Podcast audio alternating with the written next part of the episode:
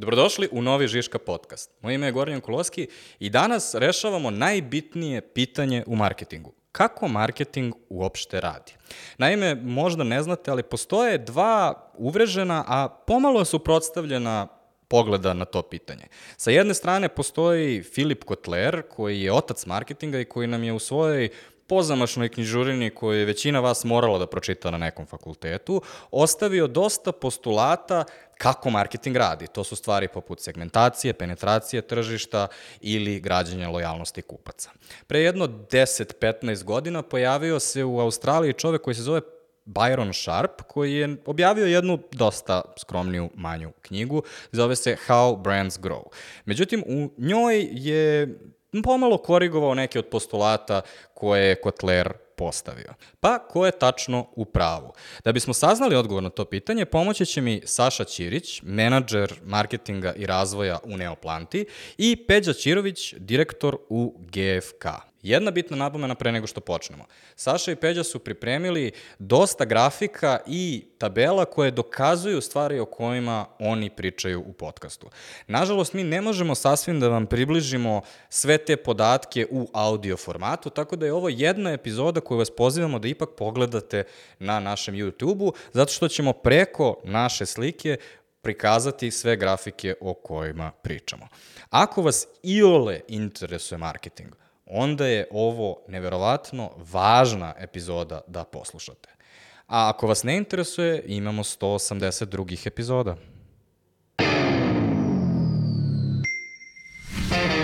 Vi slušate Peđa, Saša, dobrodošli u podcast. Hajde da počnemo sa time da objasnite ljudima zašto ste uopšte krenuli da se bavite ovom temom. Pa ova tema je svakako, e, prvo što nije nova tema, dakle i, i sama knjiga koju je Sharp izbacio je bila izbačena 2010. godine, tako da evidentno da tema nije nova, ali je to nešto što, ja bih rekao, svako ko se bavi brendovima svakodnevno sebi postavlja to pitanje i verovatno traži taj odgovor od milion dolara e, kako da moj brend raste i šta ja treba da uradim da bi, da bi se to i desilo. Tako da, uh, bilo je interesantno zapravo a, videti a, kako to izgleda u, u stvarnom životu i kako se to kroz podatke zapravo ovaj, vrlo jasno vidi i na koji način zapravo to korelira sa onim što smo svi naučili i na fakultetu, kao što si ti pomenuo, tu knjižurinu veliku koju smo svi pokušavali da čitamo iz nekoliko puta, da vidimo šta sad taj Sharp provocira, da kažemo, Kotlera i u kojoj meri je to stvarno primenljivo ovaj, u praksi i vidljivo. Sad, ta knjiga jeste izašla 2010. 13. kako si rekao, Ali, uh, Saša, šta je tvoj osjećaj kada pričaš sa ljudima u industriji? Koliko su se ljudi prebacili sada na te nove uvide koje je Sharp doneo, a koliko je moj osjećaj da većina industrije i dalje funkcioniše po principima koje nam je ostavio Kotler? Ne zato što smo ga možda učili na fonu, nego zato što jednostavno godinama smo radili pod tim principima i na taj način. Pa da budem iskren, vrlo malo. O, mislim, to je jedan od motiva što ja i Peđe danas pričamo na ovu temu.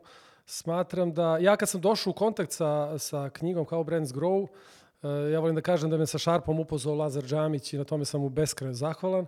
Uh, ja sam shvatio da je u stvari to prava istina. To su postulati kako, e, kako brendovi rastu. I ono što je važno, e, Sharp je e, marketing postavio kao nauku zasnovano na podacima.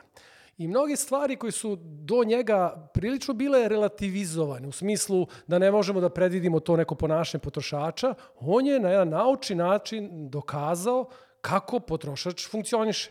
I ono što svaki marketer treba da zna te zakonitosti da ih uvaži prilikom kreiranja svake marketinške strategije. A ja bih dodao ovo kako, zbog čega smo mi došli, zbog čega sam ja uh, sa Peđom krenuo da diskutujem, da, da napravimo jedan ovakav, ajde kažem, nazovi duel. Ja sam imao prilike da na, držim predavanje na, na temu Šarpa i, i Peđa mi je poslao uh, poruku, e vidi nije to baš tako, evo ti je istraživanje e, da ima i drugih mišljenja. I onda sam shvatio da, Peđa je taj čovek s kim ja treba da napravim duel, Sharp Kotler i to je način kako ćemo ljudima približiti uh, Sharpovu postavku marketinga. A kako biste, Peđa, kako bi ti sumirao šta je ovde konflikt? Znači, gde se Sharp i Kotler razilaze? Pa ja bih rekao da prva stvar je e, to što e, Sharp e, dosta, kako bih rekao, pojednostavljuje možda neke stvari, u smislu da, da bi brand rastao potrebno je graditi penetraciju i sa gradnjom penetracije i baze kupaca zapravo brand obezbeđuje sebi da kažemo poziciju da, da, ovaj, da raste. I to je ono što nekako oni glavni kritičari Sharpa najviše i podlače, da, da se tu, ajde da kažemo, gubi ta esencija da je zapravo rast brenda, kako to neki, ovaj, da kažem, Kotlerovi ovaj, zastupnici govore, da je u funkciji diferenciranja i da u tom smislu uh, Sharp ne ulazi toliko duboko u taj odnos između brenda i potrošača i ne, ne stavlja akcenat na toj diferencijaciji, nego prosto, eto, dovoljno je da neko prepozna, da čuje za brend, da ga vidi, da mu privuče pažnju, da ga on kupi, ti si sebe obeležio u penetraciji, evo, on je kupio taj brend, cifra za penetraciju se ovaj povećala i to je dobar, ovaj, da kažemo, pravac da, da brand ovaj, raste. Saša, to se donekle kosi sa onime što nam Kotler kaže, to je prva stvar koju treba da uradim, treba da napravim segmentaciju tržišta, je li tako? Sharp nije protiv segmentacije. Uh, samo mi, marketari, često segmentaciju precenjujemo. Mi nepotrebno sužavamo sebi segmente, pa biramo avanturiste, biramo, delimo ih na aktivne, pasivne, delimo ih po raznim uh, lifestyle segmentima, što nije loše da znamo, da postoji. Međutim, uh, cilj treba da bude kako da pogodimo što širu ciljnu grupu. Nema potrebe da nam segmentacije bude teret da dođemo do većeg riča, većeg dosega i da imamo bolju penetraciju. Mislim da je tu u suštini, ja bih tu samo dodao još jednu stvar. A, možda je čak i to neki put pogrešna polazna osnova kada se ulazi u segmentaciju, da mi možemo da dobijemo segmente koji su potpuno, kako bi rekao, to je ono kako definišemo segmentaciju. To su grupe koje su unutar sebe homogene, a međusobno se razlikuju. To je, da kažemo, onaj teoretski pristup segmentaciji. I sada možda neki put polazimo u tu, u tu segmentaciju previše optimistično da će ti segmenti baš biti unutar sebe, eh, odnosno između sebe različiti i da oni neće imati zajedničkih osobina. I to je ono što smo mi videli kroz segmentaciju, koju god segmentaciju da uradimo. Dakle, da li je to lifestyle segmentacija, da li je to ova eating habit segmentacija. Ne možemo očekivati da ćemo u tom segmentu imati osobe koje apsolutno ne pripadaju pomalo i nekom drugom segmentu ili nemaju neke osobine koje pripadaju nekom drugom segmentu. Pa evo, gledam sada ovaj grafik koji si nam doneo. Ja sam ti ponedeljkom uh, quick and healthy cook, jer ono, tada i dalje imam jeli, motivaciju da se bavim sobom. A onda nedeljom popodne sam old school, znači ono, daj mi samo nešto što mi je ono savršeno poznato. Znači, isti ljudi u različitim trenucima mogu da postanu različiti deo segmenta, da? Apsolutno. Mislim, kada je ta segmentacija u pitanju, to je važno. Važno je razumeti na koji način mi segmentiramo i na osnovu toga šta očekujemo od takve segmentacije. Upravo to, jer kao što si mogao da vidiš na tom slajdu, To jeste jedan, ajde da kažemo, školski primer gde postoje različiti načini kako se ljudi hrane i u skladu sa tim neko bi rekao, ok, ja u svom portfoliju treba da imam proizvode koji će zadovoljiti te različite načine ishrane, što ne znači da su to, upravo što ti kažeš, to nisu različiti ljudi, to je isti čovek koji može različito da se hrani, ali je važno da ja tu potrebu tvoju da ponedeljkom jedeš zdravo, a utorkom da jedeš nezdravo, zadovoljim. Sad, naravno, imamo i neke druge segmentacije, kao što su demografske segmentacije.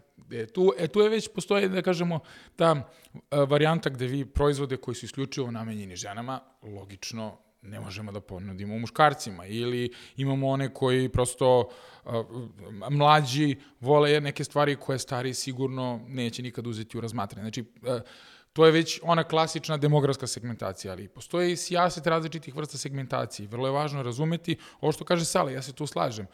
Segmentacija nam pomaže da razumemo strukturu tržišta.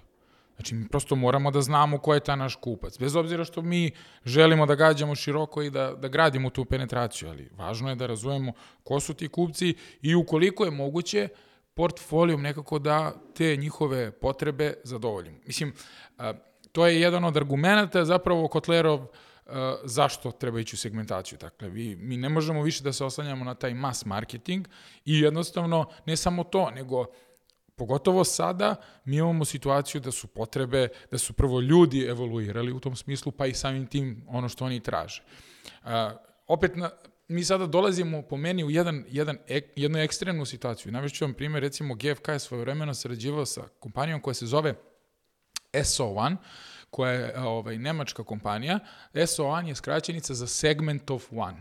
Znači, mi sad dolazimo potpuno na drugu stranu. Znači imali smo mass marketing, a sad dolazim u situaciju da ja gađam Gorane tebe, samo tebe, sa ponudom koja odgovara tvojim potrebama. Onda se postavlja pitanje, opet je na toj drugoj strani, u kojoj meri je to efikasno da mi razradimo i da gađamo, a, ako uzmemo u obzir da ipak treba nam neka penetracija, ja se slažem da bismo mogli da rastemo, ne možemo da rastemo na bazi samo tri kupca koji će samo da kupuju na, ovaj, naše proizvode. Tako da, vrlo treba biti obazriv sa segmentacijom, ali činjenica da ona jeste važna i ja mislim da se mi tu slažemo, Sala ja, da, da, da je ne treba zanemariti svakako. Evo samo da dopunim ovo, e, da, da se, ajde, oko još jedne stvari složimo na početku, pa ćemo posle kasnije da se razilazimo.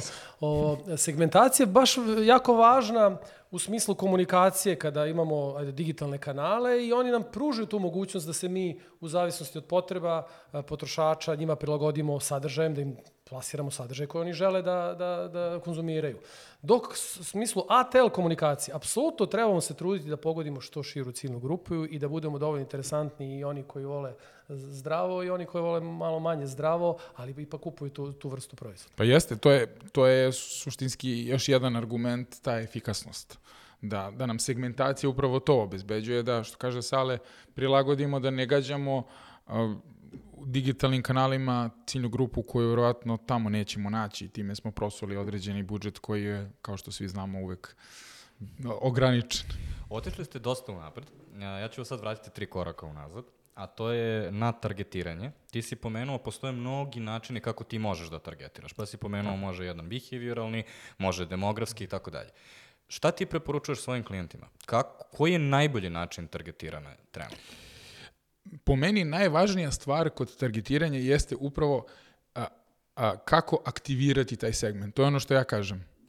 Znači, a, da segmenti budu takvi da na osnovu njih možemo stvarno da definišemo neku taktiku i da ih, ono što ja stalno kažem klijentima, na mestu prodaje uhvatimo. Jer Segmentacija može biti super, kao imamo lifestyle segmentaciju, ovi su achieveri, ovi su ovakve, ovi su ovakve, ali kako ćemo mi njih da targetiramo? Znači, na koji način ćemo mi njih da targetiramo i da operacionalizujemo to što smo videli da je specifičnog tog segmenta. Tako da, mislim da je to suštinski najvažnija stvar, jer mi smo radili u GFK dosta različitih segmentacija, ali na kraju se postavlja pitanje kako to kako to klijenti na kraju koriste i da li koriste na pravi način, da li su tom svojom ponudom, komunikacijom uspeli, šta, šta zapravo mi radimo? Mi teramo klijente da oni bukvalno personalizuju u smislu da, da daju svakom segmentu lik i da ga definišu, jer u onoj meri u kojoj ga definišu, koji razumeju kako taj segment izgleda, kako se on zove, koje su njegove specifičnosti, koje su njegove karakteristike, na kraju dana će moći što bolje da ga koristi džaba nam uh, lifestyle lepo ovaj šareni slajdić gde mi kažemo kao tinker, ja sad kažem kako ću ja Gorana kao tinkera da, da pogodim svojom porukom ili proizvodom ili na mestu prodaje. To je ono što je, ja mislim, glavni izazov u segmentaciji. Ako sam ja dobro razumeo kako Vals i drugi sistemi danas rade, targetiranja, ispravim ako grešim, ali ti u stvari uzimaš statistički koji je najbolji mm, skup različitih karakteristika koji najbolje koji, predviđa koji... njegovo ponašanje na kraju. Tako je. I to je u stvari matematički trik. Je mene ne zanima, meni je demografija samo jedna od... Jedna od, tako je. I onda na kraju samo matematički nađem pet različitih kohorti koji se međusobno najviše razlikuju, a ujedno su kupci tako brenda. Je. Tako je. Znači moramo da nađemo koje su to osobine koje najviše koreliraju sa određenim segmentom. I opet kažem, teško je naći da sad ovi koji su, na primjer, ako, ako vi gledamo taj slajd, te val segmentacije, sada achieveri, da kažemo da, tu su samo achieveri. Mislim, oni najviše koreliraju sa tim vrednostnim stavima, pri čemu u, u, u okviru val segmentacije on koristi i da kažemo, taj deo doho, a, a, kriterijum dohodka, gde on uzima i to u obzir, dakle, kakve su njihove finan, kakva je finansijska situacija, ekonomska situacija i plus na to dodaje ove lifestyle parametre i na bazi toga kuva ove segmente. Sad, pre nego što pređemo na to šta Sharp kaže, a, da li možeš kratko da objasniš ljudima, po, više puta smo pomenuli penetraciju, ali kako definišemo penetraciju ovde? To je uh, vrlo važno pitanje, zato što uh, penetracija zapravo a, je generalno važna mera, sad Sharp je potencijera, ali mislim da je vrlo važna mera uspeha jednog brenda. Ona zapravo predstavlja prosto koliko vas je ljudi kupilo, bar jedan put u određenom vremenskom periodu. I koliko je god to jednostavno, to može neki put i da predstavlja i zamku. Zašto? Zato što, na primjer, na godišnjem nivou neko će reći ja imam penetraciju 90%. Što znači da me neko za tih 12 meseci bar jedan put kupio. On je mogao da me kupi u januaru i da me posle narednih 11 meseci više ne kupuje. A da mi kažemo da je on ušao u tu penetraciju od 12 meseci. Izvini, barem jedan put, znači da li može da pređe 100 ili... Ne može. Znači, ono, ako je barem jedan put, onda ulazi Tako u penetraciju. Znači, on ulazi u penetraciju i tu smo završili. Ali šta je tu važno? To je sad deo te priče um, uh, kad govorimo o, o, o tome kakav je potencijal rasta penetracije, to je ovo što Sharp potencira, e, gde mi moramo da vidimo zapravo ako smo na godišnjem nivou izgradili penetraciju od 90%, kao što neki brendovi jesu, postavlja se pitanje, a šta se dešava sa kvartalnom penetracijom? Jer upravo što sam sad rekao, moguće da me kupio samo u prvom kvartalu i da me nije kupio posle ostale tri kvartala. Tako da uh, uvek treba posmatrati penetraciju iz više uglova. A to možemo da rešimo kada kupite od GFK češće podatke i onda imate i kvartalnu penetraciju. pa, ali, Sharp kaže da ne bi trebalo uopšte da, um, to je da je penetracija daleko bitnija od segmentacije, jel sam to dobro razumao? Tako je. Penetracija je najvažnija. O, da li možeš to da objasniš onda na ovom primjeru koji ste izvadili, a to je uh, deterđenti u Srbiji? Da. A, mi smo inače e, primere koje, pomoću kojih je Sharp dokazao svoje e, zakonitosti e, na osnovu GFK panela iste te kategorije primenili na srpskim kategorijama, na srpskim brendovima. I evo, uglavnom se barata sa kategorijama market share, penetracija i frekventnost kupovine. Sad, kada bi mi proširili ovu Uh, ovu formulu, znači do marke šera se dolazi tako kada pomnožimo broj kupaca, odnosno penetraciju, kako je Peđe objasnio, puta njihova godišnja frekventnost kupovine, puta prosečna količina kupljena, puta prosečna cena. Dolazimo do neke vrednosti, tu vrednost stavimo u odnos sa ukupnom vrednošću kategorije i mi dobijemo neki market share.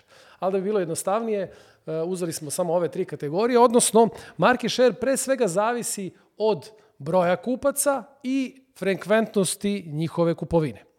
Uh, imamo primer uh, kategorije deterđenata u Srbiji. Persil ima uh, 31% market share-a i ima prosečno ovaj brend kupe uh, njegovi kupci 2,4 puta. Sledeći brend ima 22% market share-a i njegovi kupci takođe u istom uh, obimu kupuju u toku godine. Znači 2,4 puta godišnje kupe i ovaj brend. Razlika između ova dva brenda je u broju kupaca. Persil ima 37%, Ariel ima 28%.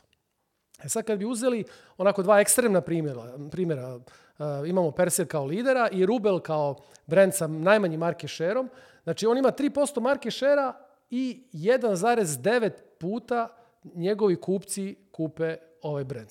Što znači da razlika, iako je razlika 10 puta veća u market share-u, u frekventnosti i nije tolika razlika. Uh, ovo je najvažniji zakon uh, koji se naziva zakon duple opasnosti uh, i on je dobrim delom uključen i u ostale i on je dokazan na, na, na x primera koji NRB Bas institut izvučava u pogledu podataka o, o brendovima.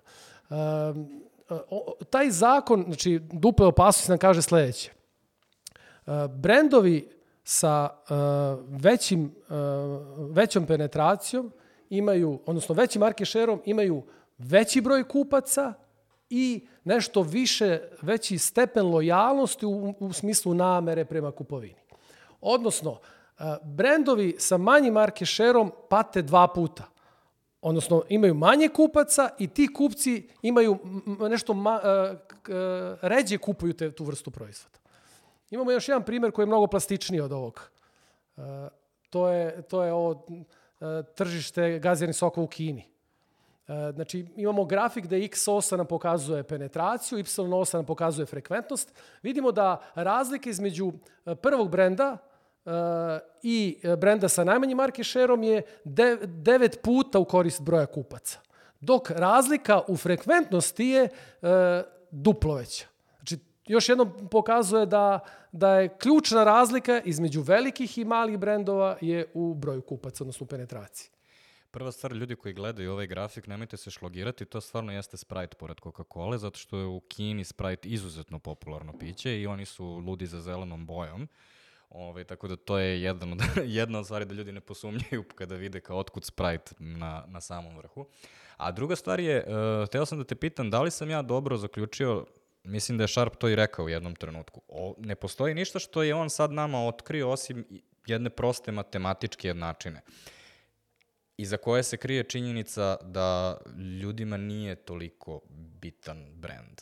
I onda ja kupujem deterđent ili kupujem uh, gazirani sok frekvencijom kojom ga inače kupujem.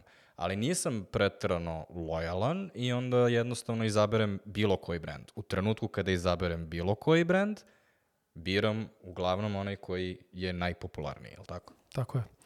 Doćemo do tog zakona, to je zakon prirodne lojalnosti. Imamo nekoliko... O, ja bih ovde samo da, da, da kažem još jednu stvar, da, da bi bilo onako razumljivo.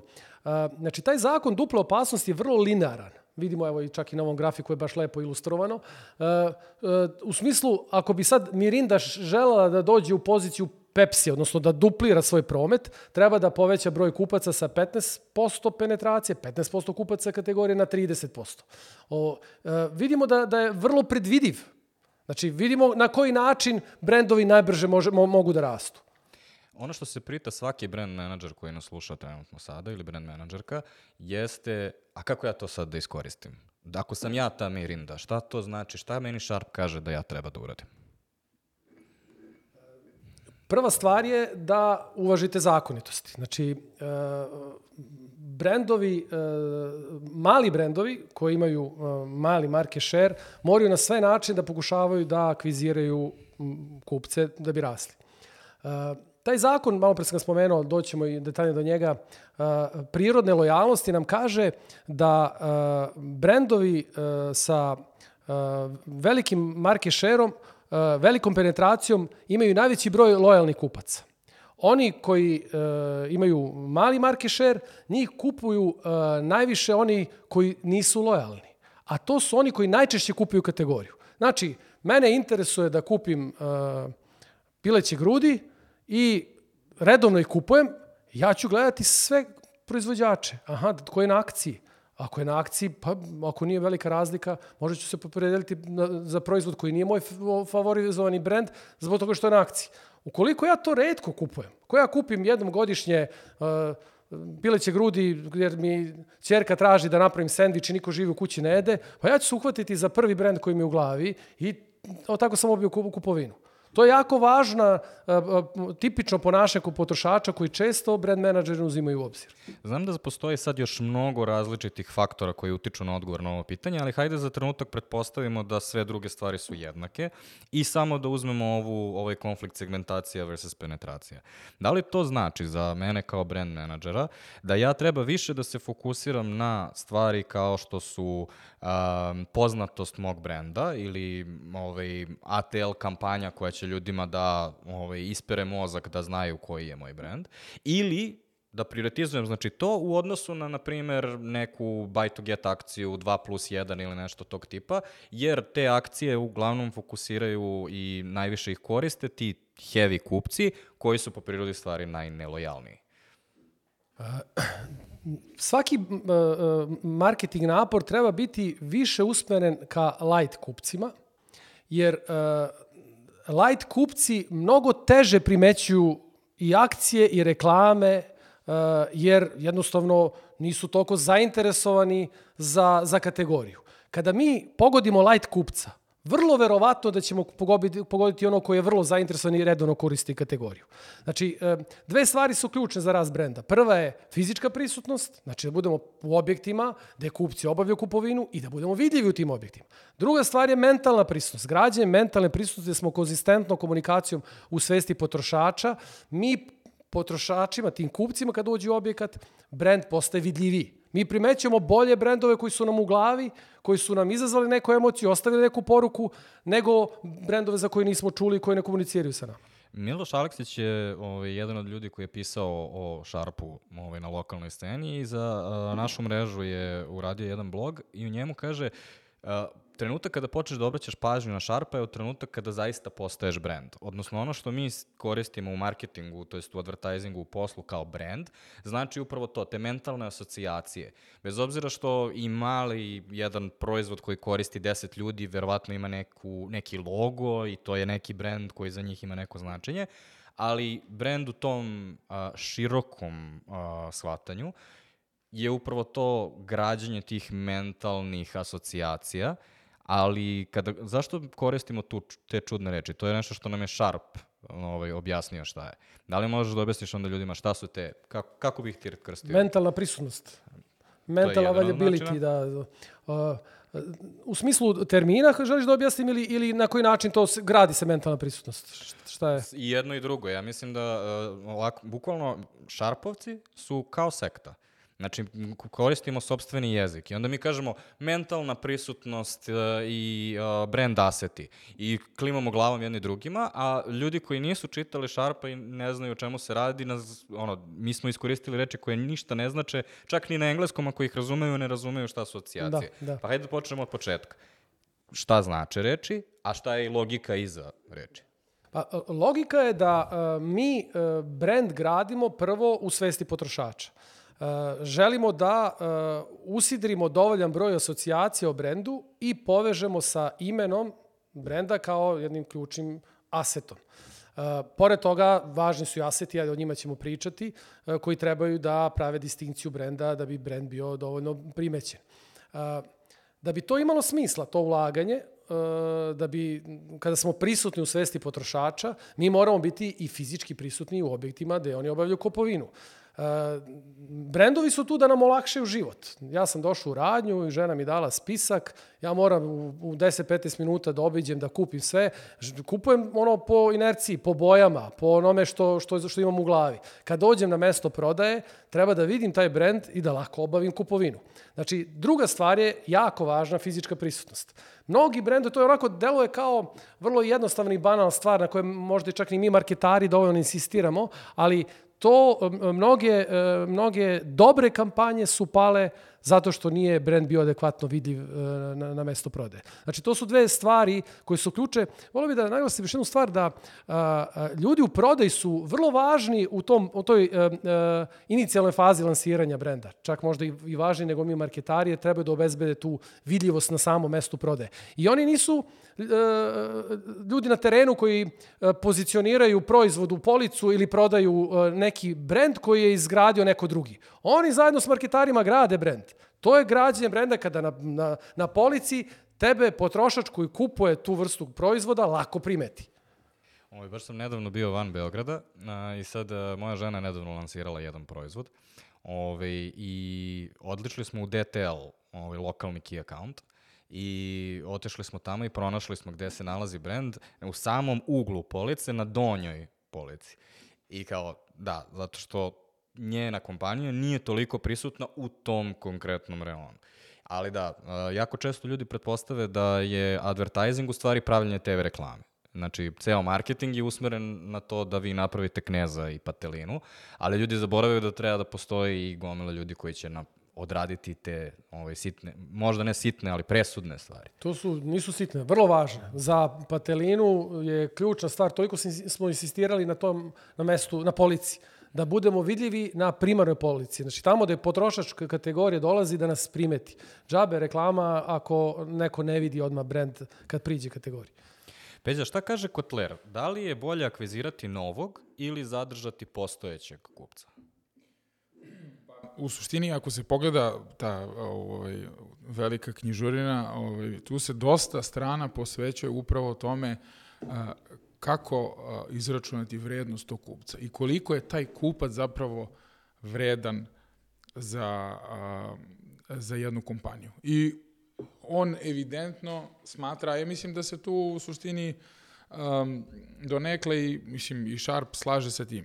Što je kupac duže sa određenim brendom, da je vrednost njegova um, veća. I ukoliko se, naravno, smanji taj odliv, kupaca, time će se povećati svakako i, ajde da kažemo, ta profitabilnost po kupcu. Mislim, tu se, uh, i, i na kraju dana sad, uh, verovatno svi oni koji rade u CRM-u ili sa CRM sistemima ili koji se bave tim uh, customer satisfactionom, Nekako se postavlja pitanje kad bi slušali samo, da kažem, kad bi tumačili šarpa onako površno, rekli bi šta mi radimo ovde? Mislim, kao, ok, kupci dolaze, odlaze i kao i dalje e, samo gradimo penetraciju, trudimo se da, da akviziramo kupci zato što postoji odliv, to jeste prirodna stvar, ali suština jeste u tome da ne možemo samo da se oslanjamo na toj regrutaciji, nego da Kotler smatra prosto da ti kupca moraš da zadržiš. I sad, o zavisnosti od industrije do industrije, to je, kako bi rekao, lakše ili teže.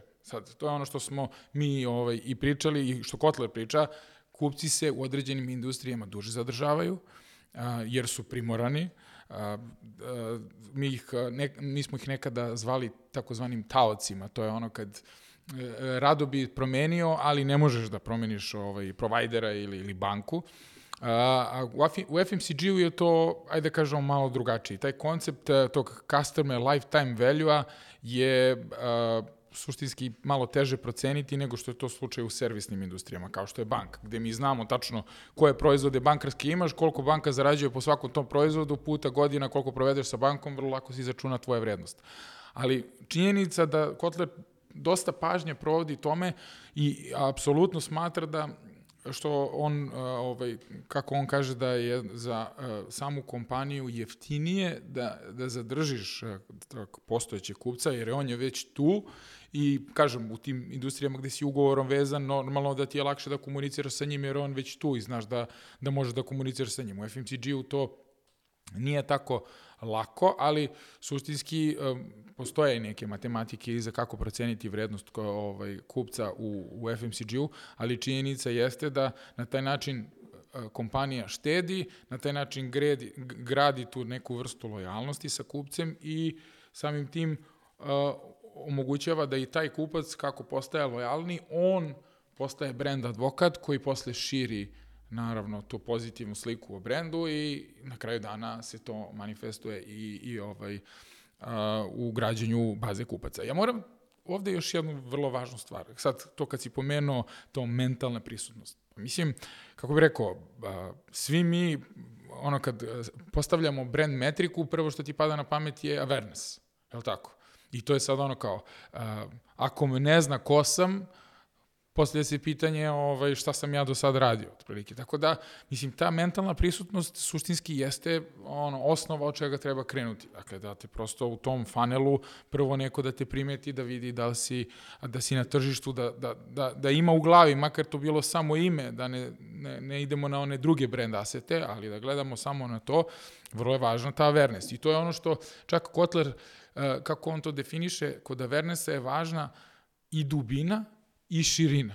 E sad, mi svi verovatno ne koristimo često te termine, pa kažemo kao awareness, to je da te zna, ali šta je, šta je kod Avernesa važno? Ne samo da si mi na pameti da, da poznajem tvoj brand, nego da se povećava broj situacija u kojima mi taj brand dolazi na pamet. Znači, nije samo pitanje da se ja setim tog brenda kada sam u prodavnici, jel tako, kad mi uh, određeni proizvođači kod nas koji su vrlo veliki pa zauzmu 70% police i onda kao prosto jasno je da ću da ga primetim, ali suština nije u tome. Ako sam proizvođač grickalica, svaki put kad pomislim da, da grickam, da li je to uz film ili uz utakmicu, meni je važno da mi, da mi ovaj, taj brand padne na pamet. Znači, to je ta dubina Vernesa koja je suštinski vrlo važna.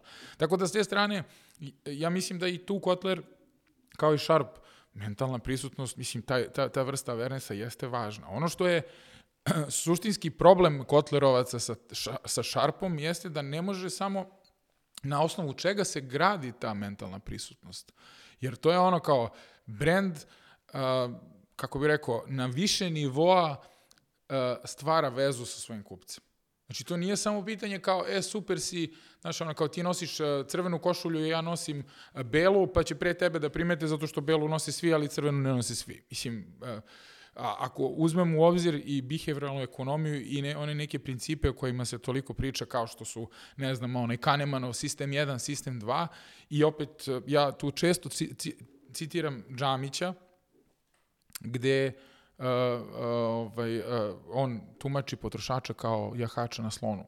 Mislim, mi pokušavamo da racionalizujemo svoje odluke na mestu prodaje, ali suštinski smo ih doneli iracionalno. I to je taj sistem 1 koji funkcioniše na tom principu brze reakcije, da nema tu mnogo razmišljanja. E, brendovi tu igraju ulogu.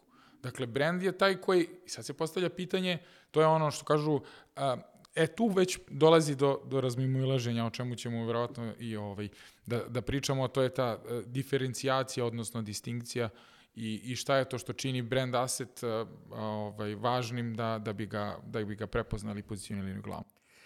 Ja se slažem s tobom šta je zamerka ovaj, za celu teoriju mentalne dostupnosti. Jako je teško da ti to izmeriš. Ali mislim da ljudi koji mm, idu kotlerovim stopama danas nedovoljno priznaju šta su problemi sa takvim pristupom. Jer e, kad malo razmisliš, recimo, ceo performance marketing za, recimo, bilo koji startup je organizovan po Kotlerovom principu. Ti imaš customer per, ovaj, cost per acquisition, znači znam koliko me košta tačno, mogu da sračunam u dolar, koliko košta da dođe neko. Znam koji je customer lifetime value equivalency, odnosno znam koliko, mi, koliko ću zaraditi od tog jednog kupca i postoji treći deo koji se zove churn, odnosno koliko ljudi prolazi i ispada iz mog sistema, koliko uh, korisnika Netflixa ne obnovi pretplatu posle tri meseca, na primjer ono što, kada postaviš ceo taj sistem, pratiš sve što možeš da pratiš, postavlja se pitanje zašto niko ne klikće na tvoj baner. Ok, optimizuješ sve živo moguće, ali zašto ljudi ne žele da dođu da kupe, na primer, uh, Lacoste majicu, a hoće da kupe Fred Perry majicu ili sad koji god, ono, dva brenda da uzmemo. Ove, I zato sam hteo da te pitam... A to je, ali to je, to je odlično pitanje.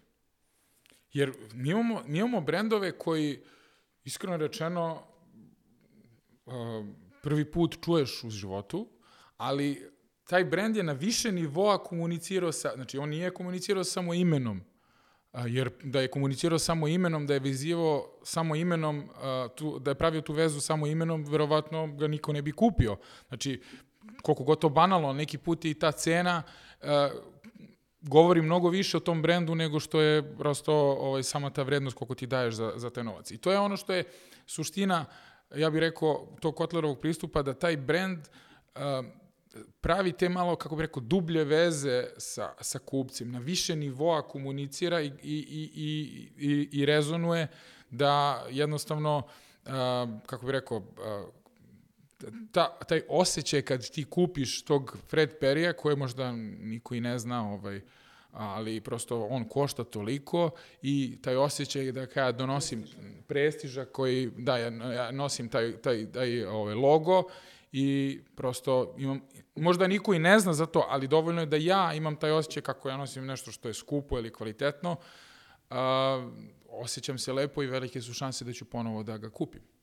Hteo sam da te pitam u kontekstu toga šta softveraši možda mogu da nauče od FMCG-evaca. Znači, šta kažu podaci iz FMCG industrije u odnosu na to um, šta je bolje? Da li da jurim nove kupce ili da zadržim postojeće?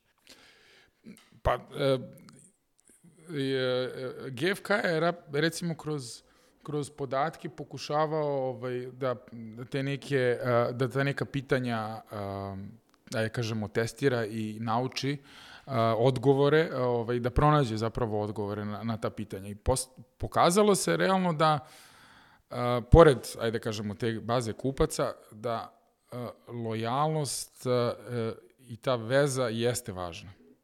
Tako da, nije dovoljno samo da se gradi baza kupaca, nego je važno i da, da se izgradi ta neka vrsta lojalnosti da bi mogao stvarno da obezbediš osnovu, ajde da kažemo, za rast brenda.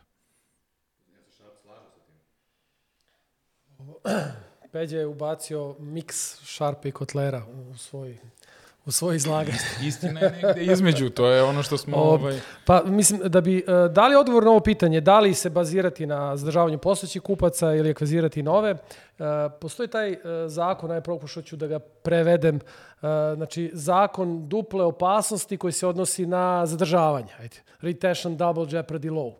Znači, definitivno svi kupci imaju sklonost da menjaju brendove. Evo imamo E, kategoriju e, dezodoransa kod nas i e, prosečno skoro 40% kupaca promeni brend. Kupaca brenda promeni brend. Lider Nivea koji ima 33% penetracije, praktično svaki treći njihov kupac promeni brend. Pređe na neki drugi. Kako vidimo kako penetracija pada, odnosno market share kako pada, tako i lojalnost opada. Tako je taj procenat veći. I to je to delovanje zakona koje je vrlo ovako tipično ovde. I to delovanje zakona je vrlo prisutno i u FMCG-u i u uslugama o kojima ste spominjali, e, samo u manjim procentima. Znači neće biti 28 do 48, nego će biti vratno od 15 do 2-3%, jer u uslugama je to drugačije i nemamo ni uslova da tako često menjamo menjamo uh, provajdere raznih usluga. Kad potpišemo ugovor na godinu dana ili da menjamo banku, kad potpišemo ugovor pa smo vezani zbog x stvari. E. A da li postoji još dodatno na to uh, moj odnos sa kategorijom? Na primer, um, padaju mi na pamet uh, sportski suplementi. Sportski suplementi su po prirodi stvari veoma napredni proizvodi, znači ono, ljudi čitaju deklaracije do tog nivoa i onda pretpostavljam da se tu ipak gradi veća brand lojalnost nego što se, na primjer, ja, ovo sad moj lični doživljaj, ali kao dezodorans koji god je prvi ispred mene ću uzeti i tačka, ali recimo kada biram koji ću protein ili kreatin da koristim, onda ću da istražim veoma dobro koji je tačno najbolji, koji ima najveći procenat proteina i tako dalje. Da, ali i kod njih je delovanje znači ovi koji imaju najveći broj kupaca, oni imaju i najviše lojalnih kupaca. To ćemo vidjeti kroz neke druge zakonitosti. Uh, ovaj primer uh, Garniera će nam lako uh, dati odgovor na ovo vaše pitanje, ovako na plastičan način. Imamo Garnier koji ima 3% penetracije. Znači 3% kupaca kategorije kupuje brand Garnier. Njegova, uh, njegova odlazak, taj defection rate je pet, skoro 50%. Znači svaki drugi kupac ode. Znači, ako bi mi sav marketing napor koji imamo, sve budžete, usmerili da sačuvamo taj, tih 50%, da niko ne ode, što je onako i teoretski teško, ali ajde da uzmemo kao, mi ćemo povećati penetraciju sa 3 na 4,5, znači za 1,5%. Znači imat ćemo 4,5% kao neki naš maksimum, teoretski maksimum. A s druge strane, imamo 40% kupaca. Svaki četvrti kupac kategorije prirodno menja brend, želi da promeni brend. Pa zar nije bolje da se usmerimo na tih 40% i da li će naši resursi koji usmeri na 40% dati veći efekat nego na ovi koji su usmereni da dođemo do 4,5%? Mislim, e, gledano kako to Kotler ovaj, tumači u svojoj knjizi, on navodi zapravo da otprilike taj neki črn je oko 10%. Ovaj, ali ja bi se tu složio sa Sašom, mislim da i, i, i preko toga. I neminovno je, u FMCG-u pogotovo, neminovno je da, da će kupci, ajde da kažemo, a, menjati brendove. E sad, to što si ti postavio kao pitanje za a, a, ovaj, te a, proteine i za te stvari, za, to je malo specifično zato što a, imamo taj efekat kako to utiče na moje zdravlje. Pa onda se ta E, taj proces odlučivanja šta ću da kupim, mislim, sigurno ima i tog ono, pondera. To sam i pitao, zato što sad imaš recimo dosta kompanija ima trenutno izazove, lansira uh, prvi put veganske proizvode. Ovaj, ovaj Beyond Meat, Planet of Plants, zaboravio sam kako se zove Nestlov, uh, koji je sad lansiran, veganska cela linija. Znači, ljudi ulaze često u kategorije u kojima ranije nisu bili. Moje pitanje je više da li postoji da li sve ovo što pričamo ipak donekle zavisi od kategorije, pa u nekim kategorijama ekstremnije, u nekima je manje ekstremno. Pa, e, u, u toj drugoj knjizi se e, Šar bavi e, nišnim brendovima. To je, ajde kažem, niša, ono, ta, ajde kažem, veganska ishrana i, i proizvodi bazirani na, na, na, na, na bazi biljaka. I dokazuje apsolutno delovanje slično. Znači, da, da imamo tu, tu situaciju. Znači, kupci prirodno menjaju brendove. Interesantna stvar, na primjer, u, u, u, u uh, bankama. Uh, bez obzira što se neko veže za banku zbog kredita, zbog ih stvari, ali ljudi se sele iz grada u grad, pa mora promeni banku, nema tamo te banke. E, isto tako, znači neko ko, ko, ko, ko naviko na e, određene e, suplemente koje mu preporučio e, trener u njegovoj teretani, kada se preseli iz Beograda u Novi Sad, ko što sam se ja preselio, možda će taj trener da mi kaže, ej, ma nemoj to da kupiš, uzmi ovo, ovo ti je mnogo bolje, jer ovde imaš dostupno taj. Tako da, mnoge stvari utiču na te odluke i, i ta, ta, te, e, ti zakoni tu su upravo sublimiraju sva ta, sve te utice na ponašanje potrošača. E, to je vrlo važno pitanje. Ovo sa što je Sale rekao je e, između ostalog jedan od glavnih e, jedna od glavnih zamerki a, Sharpu je to što on kako bi rekao pojednostavljuje tu situaciju na tržištu gde on kao postavlja kao pretpostavku da e, zapravo imamo tržište koje se ne menja i da u tokvom tržištu gde, koje je, da kažem, vrlo stabilno, e, ti sa povećanjem penetracije, jeli, gradiš brend.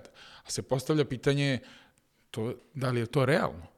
Prosto mi živimo u takvom okruženju gde a, konkurencija će brže da reaguje a, u odnosu na možda neke ovaj, ranije, ranije ovaj, godine, gde vi sad prosto morate da analizirate šta radi konkurencija, a, kakvi su uslovi a, uopšte a, života u toj zemlji, kakvi su makroekonomski uslovi. Znači, tržište je jedna, kako bih rekao, fluidna stvar i ne možemo da ga pretpostavimo kao eto da je to stabilno, da se to neće. Možda je to bilo ranije situacije da se nisu toliko stvari dinamično menjale kao što se menjaju sada, ali u ovakvoj situaciji postoji mnogo stvari koje moramo uzeti u obzir kada pričamo o tome uh, i donosimo odluku šta je to zapravo bitno za, za razvoj brenda. Ti si sve ovo rekao, ali to nije Sharp, nego to upravo je Kotler. Kotler dovoljno Sharp. Ja mislim da kroz zakonito se to uključuje te promene.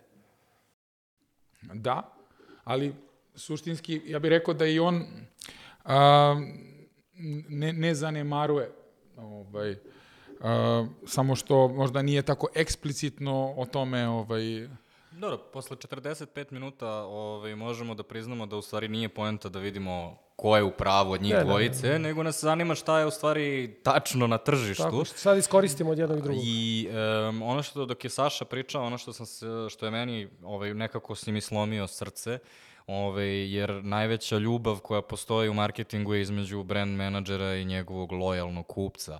I trenutak koji ste, um, ovaj, jedan od trenutaka koji mi je privukao pažnju kada ste držali originalno ovo predavanje je bilo kada ste uzeli najvoljenije brendove u Srbiji i onda pitali ljude koliko očekujete u stvari da je lojalnost kupaca za, na primjer, Knjaz Miloš.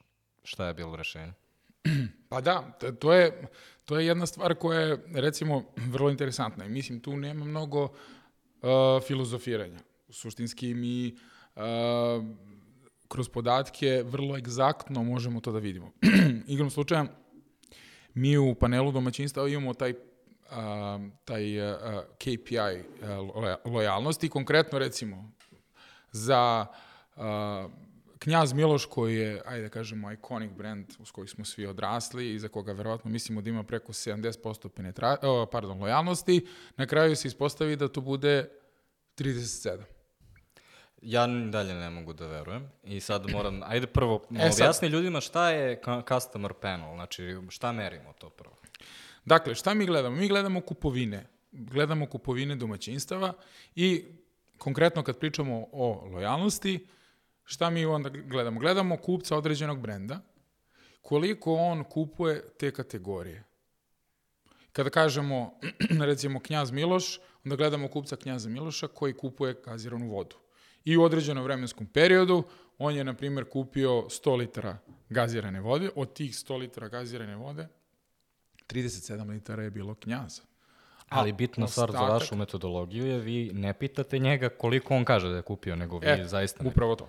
To je, to je suština cijele priče, jer um, zato se Sharp dosta poziva na te podatke, jer to su vrlo egzaktni podaci. To je, a, da kažemo, izbegavamo i smanjujemo taj potencijalni uticaj um, subjektivnosti ovaj, određenog kupca ili nemogućnosti da budu objektivni, ako je to možda tačnije, gde ovde zapravo samo gledamo njihove kupovine. Mi njih u našem panelu ništa ne pitamo, dakle ne pitamo ga koliko si šta kupio, nego prosto on to skenira i to direktno ulazi u našu bazu. Tako da mi vrlo egzaktno možemo da vidimo i vrlo objektivno šta je on kupio. I prosto ja verujem da je to bio šok za uh, veliki broj ljudi u sali kada smo mi to pokazali, jer A pusti veliki broj da- ljudi sali, znači za mene je šok.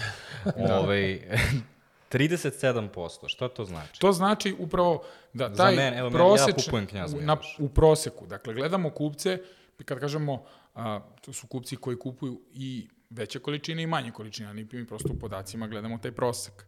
Dakle, prosečna lojalnost brenda Knjaz Miloš je 37, što znači da je od 100 litara 37 litara Knjaz, a ostalih 63 su konkurentski brendovi. Pa jeste, ako je 100 litara neku sam slavu pravio, pa znaš, doći će ovi, hoće malo neku drugu vodu. 37, wow. Da, tako da e, je to e, e, vrlo važno definisati kako se meri lojalnost, dakle, i ono što postoji ta jezička barijera, kad neko kaže lojalnost, odma prva stvar koja nam padne na pamet je da je to 100%. Dakle, to, to su kupci koji kupuju samo moj brand i nijedan drugi više. Što u, realnom životu je ne mogu da kažem nemoguće i mi u podacima vidimo da postoje kupci, ali suštinski njih je vrlo malo. I ovo što je Saša rekao, to je isto egzaktno. Ja prosto a, smo to videli kroz podatke i ja mogu da potvrdim to da a, kupci kupuju različite brendove i da je vrlo malo onih koji su, da kažemo, ekskluzivni kupci određenog brenda. Koliko god mi misli da je taj brend jak, ali imamo prosto te light kupce koji kupuju a, a, ovaj, redko imamo heavy, koji, koji imamo heavy kupce kategorije koji kupuju često i ti heavy kupci su obično najmanje lojalni. Tu je recimo taj paradoks koji na prvu loptu ne, ne, ne zvuči intuitivno, jer bi neko rekao, pa da, taj heavy kupac. Pa upravo taj heavy kupac kategorije, on je taj koji gleda da a, ovaj, prođe najbolje u kupovini i ako pretpostavimo da kupuje veće količine, onda gleda i da uštedi, pa onda vrlo lako može da svičuje. E, sad moram da izvadim jednu diskusiju koju sam ja imao često ovaj, sa kolegama koji rade pivo. Ovaj, pošto ja baš volim pivo i dosta kupujem, ja sam heavy kupac piva. I onda sam ja uvek govorio, ali ja uvek šetam, kao ja, ono, u poslednjih dva meseca popio sam 20 različitih brandova piva. I uvek sam dobio taj odgovor, uh, ali ti nisi tipičan kupac u stvari, znači ti si ono, affluent, urban i tako dalje. Znači, ajde sad... segmentacija. Da. I, ovaj, ajde da pretpostavimo kao ljudi možda misle kao kisela voda, kao to ne znači ljudima ništa u životu, ali pivo je recimo kategorija koja se vezuje za strast, ono, tu su ostrašćeni kupci. Kolika je, um, recimo, za zaječarsko pivo? Pa jeste, Lojalnost. oni jesu ostrašćeni za kategoriju, ali na, na tom branding nivou i, i ne toliko. Jer to se najbolje vidi kod, kod Zaječarskog, gdje smo zapravo videli da je lojalnost Zaječarskom uh, pa manje od 40, 39%.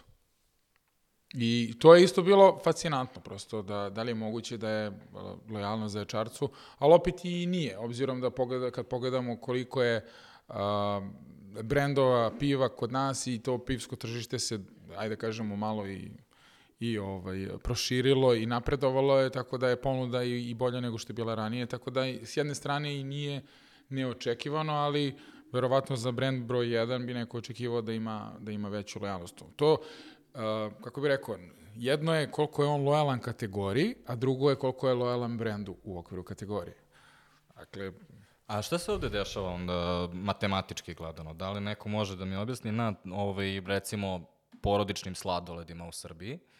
Ovaj, imamo um, ovaj, da li možete da mi objasnite ka, kako je moguće? Zato što verujem da um, kada pogledamo kol, ono, da je manje od 40% za broj 1 brand piva u Srbiji, kao to mi je totalno kontraintuitivno. Jel opet postoji neki matematički trik koji se ovde dešava ili nešto drugo ne razumem? E, Da bi objasnili lojalnost, lojalnost je vrlo važna tema i te, bitno je da je demistifikujemo. Znači, mislim da se ona skroz na drugačiji način uh, sagledavala. Uh, još jedan zakon, to je zakon duple kupovine. Znači, uh, on koji kaže, svi brendovi dele kupce sa drugim brendovima. Delimo brendovi, veći brendovi dele više kupce, odnosno brendovi više dele, u većem procentu dele kupce sa većim brendovima, odnosno na manje brendove. Pa imamo primer Kvatra. Quattro, kategorija porodičnih sladoleda u, u Srbiji. Quattro je prvi brend, on ima 25% marke šera i 42% kupaca kategorije porodičnih sladoleda.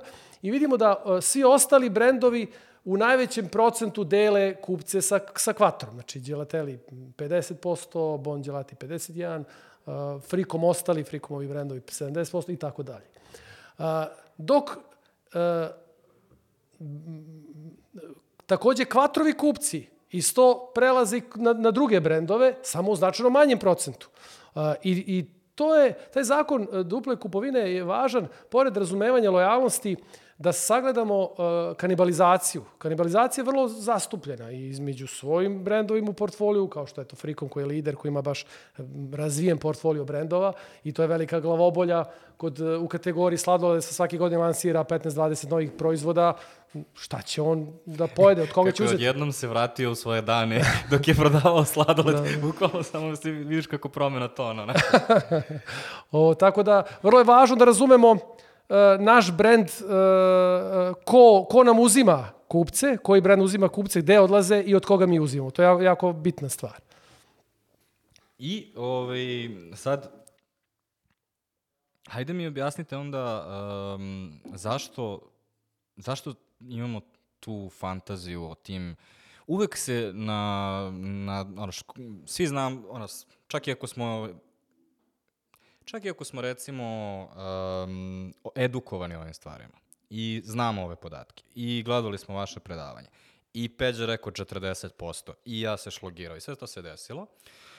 I dalje mi sednemo na neku radionicu i onda neko izvuče dedamiku iz uh, ove, Surčina koji pije lav već 20 godina ili koristi samo naš sapun i tako dalje. I dedamika kaže nikada u životu ne smete da promenite X, na primjer.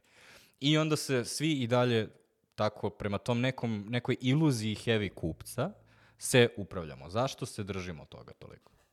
Pa to je zato što smo učili kotlerijanci. Eto, ovo moramo malo da izađemo iz tih okvira. Mislim da, da, da odgovor na ovo pitanje će pomoći e, taj zakon uh, prirodne lojalnosti koji smo malo pre spominjali. On kaže da uh, brendovi sa većom penetracijom, većim market imaju u, svom, u svojoj bazi više lojalnih. Odnosno, da veliki brendovi praktično imaju monopol na, nad light userima. A ti light useri su najlojalniji, jer oni redko koriste kategoriju. Uh, kategorija ketchupa u Srbiji, imamo Polimark, ima 43% šera, vrednostnog šera, ima penetraciju 60%. Znači 60% kupaca kečapa u Srbiji kupuje Polimark. Oni kupe nešto manje od četiri puta godišnje, Polimark, taj brend, a ukupno kupe kečapa nešto manje od sedam puta. I sad, kad uzmemo brend sa najmanjim market share-om i najmanjim penetracijom, znači Tomatelo ima 1% šera i 5% kupaca, njegovi kupci kupe 1,4 puta godišnje tomatelo, a ukupno kupe kečapa 10 puta. To nam upravo kaže da ti kupci tomatela, to su heavy useri. Oni često kupe kečap. Pa normalno kad je tomatelo na akciji, uzet će tomatelo ako nije velika razlika u odnosu na polimarke napraviti neku uštedu za kućni budžet. Non stop je, oni, uh, im je kategorija u radaru i isprobavaju. Pojavit će se neki novi proizvođač, pa će uzeti, pojavit će se neki novi ukus, pa će uzeti. I ti heavy koji često kupuju, oni su najmanje lojalni. Oni koji redko kupuju, oni kupuju prvi brend. Ako ja jednom godišnje kupujem Polimark, e, kečape, to će biti pogled. Ako ja jednom godišnje kupujem gazirani sok, to će vrlo verovatno biti Coca-Cola. Ne razmatram ostale. Jako bitna stvar je da e, ponašanje tih kupaca. Oni ne obraćaju pažnju ni na akcije. Znači, ne interesuje me dalje čaj na hiljadu i po ili dve hiljade dinara. Ako je meni u glavi neoplanta i ja i najviše verujem, ja ću ju da kupim i ne razmatram koje je na akciji. Ali ako ja kupujem svake nedelje čajnu, pa naravno ću da vidim da li... Neoplanta nije na akciji, pa vidjet ću da li ima Zlatiborac, da ima neko drugi. To je tipično ponašanje da mi e, zanemarujemo light kupce koji i u pogledu e, odnosa prema cenama, prema akcijama koje su cijela FMCG industrija vrlo opterećena time, imaju skroz drugačiji, vrlo su zahvalni. E, važno je da se obraćamo njima jer oni mnogo teže primećuju reklame. Znači, ako ne koristiš često kategoriju, nećeš prim, lako primetiti reklame. Mora baš reklama da bude zvučna, mora da te tangira, da, da izazove neke emocije da bi ostao brend u glavi. Dok e, na taj način heavy user koji stalno koriste, mi ćemo njih vrlo lako pogoditi. Ako smo pogodili uh, pe, uh, kampanjom light kupca, ono koje red koristi, sigurno smo pogodili heavy usera. Poslednja knjiga koju je izbacila Jenny Romanik, koja je zajedno pisala sa Sharpom u drugu knjigu, u ovoj knjizi Better Brand Health, kaže da ako pogodimo 10% light ili nekorisnika kategorije, mi smo tri puta više pogodili heavy i, i onog srednjeg korisnika. To je vrlo važan podatak, to su izvukli sad najnoveg iz istraživanja, da imamo to stalno u glavi. I da light kupci treba da budu osnovni KPI što kaže Peđa, nije, nije samo penetracija, nego je važno da znamo strukturu naših kupaca i da svaku, svaki marketing napor, sva ulaganje merimo koliko smo akvizirali light kupaca. Mislim, još jedna važna stvar kad pričamo o lojalnosti. Kad vidimo da ta lojalnost i nije na, na nekom visokom nivou, što možda i nije loše, gledano iz te perspektive privlačenja kupaca, jer time što sam ja spustio, što mi je lojalnost možda pala, što znači da sam ja više privukao tih heavy buyera kategorije koji sami po sebi menjaju. Jer ono što jeste možda kontraintuitivno, a to je da su light buyeri uh, određenog brenda često najviše i lojalni gledano matematički, jer on u okviru kategorije kupio samo taj brend, je tako? I onda mi kažemo, njegova lojalnost je 100%. Ja ne kupujem kategoriju, ali kad kupim, kupim tomatelo, što znači da od ukupne količine kategorije sve je otišlo na tomatelo.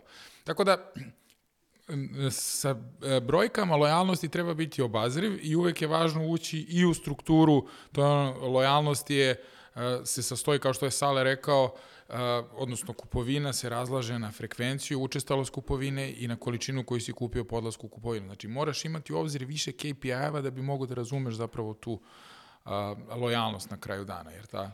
I još dodatno, a, ako sad pričamo na primjeru kečapa, znači, a, koliko kečapa kupi taj heavy user sa jedne strane, na jednom tasu, a sa drugom a, je koliko ima tih Uh, light usera, jer ako ovaj kupi 10 kečapa, a ovaj neće kupiti 10, jer ovde piše na grafiku da kupuju 7 kečapa godišnje, ali ima 10 puta više ne ovaj light kupaca, onda se onda je i tržište, potencijal tržišta je veći kod light kupaca. To je još jedna vrlo važna stvar. Druga stvar zbog čega treba da se obraćamo light kupcima, u svakoj strukturi je najviše light kupaca. Oni negde čine u prometu manje ili, znači, ili više, ovo, ali najviše brojčano njih. I to je najveći potencijal za rast brenda. Znači, pogotovo za, za, za manje brendove. Znači, to je vrlo važno da znamo. Znači, da je da, zbog čega treba da ih akviziramo? Zbog toga što ih ima više. Ja ovde moram, mislim, slažem se sa Saletom i sigurno da ovaj, on u svojoj marketičkoj praksi je to mogo vrlo egzaktno da vidi kako stvari funkcionišu ja ne bih ovde da prosto odvučemo pažnju ljudi koji gledaju i slušaju ovaj podcast da light kupci jesu važni, ono što je Sale rekao, kad se gradi kampanja, kad se radi kampanja, ti tom porukom treba da dotakneš i njih, jer čak su i podaci pokazali da je jedna trećina nekog volumena dolazi od tih light kupaca. A, ali opet na drugoj strani, da nas ljudi ne, ne razumiju pogrešno, lojalni kupci su važni. Mislim, mi moramo da održavamo tu bazu lojalnih kupaca da prosto oni budu tu, jer, kažem, ne možemo da se oslanjamo samo na to da, eto, kao, ove laj ćemo akvizirati i to će ovaj, da nadoknadi i da reši sve naše probleme. Znači, ta, ovo što je Sale rekao, veliki brendovi imaju veliku bazu lojalnih kupaca. Mislim, to je ovako intuitivno, ali uh, uh, realno je važno da se, da se gradi taj odnos sa, sa ovaj, Sale, imam pitanje. Ovaj, um, kada si pričao o Tomatelu i Polimarku, uh, rekao si um, taj heavy user će da vidi kada je Tomatelo na akciji i onda će probati Tomatelo. Da li to znači da onda akcije, odnosno popusti 30% ili 2 plus 1, da li je to bolja taktika za male nišne brendove, a veliki brendovi, lideri u kategoriji ne bi trebalo to da rade ili ne znači? To je legitimna taktika i treba da se koristi. Mislim, akcija je postala standard, to moramo svi da imamo proizvode na akciji. Ono što je vrlo važno da, e, da, da svaki brand menadžer zna koji su to barijere za e, potrošača kupca. Koliko je to procentualno treba da bude razlika u ceni viša da bi te neko da bi ostao da te kupuje. Znači, to je pitanje za velike brendove, a opet za manje brendove, koje to, koliko trebaš da budeš jeftini da bi bio interesantan i tom nekom ko kupuje, e, ko je kupio neki drugi liderski brend. O, mislim da, da, da za, za, za, odgovor na tvoje pitanje je miks. Apsolutno e, e, je važno da se gradi brend kroz mentalnu prisutnost i to je dugoročno za brend jako važno da bi, e, da bi up- upravo akvizirali, e, e, akvizirali kupce prvo koji su spremni da, da probaju, normalno, o, to su, kažem, heavy useri i njih ćemo dobiti, ali e, ključ za rast brenda je broj, broj light kupaca.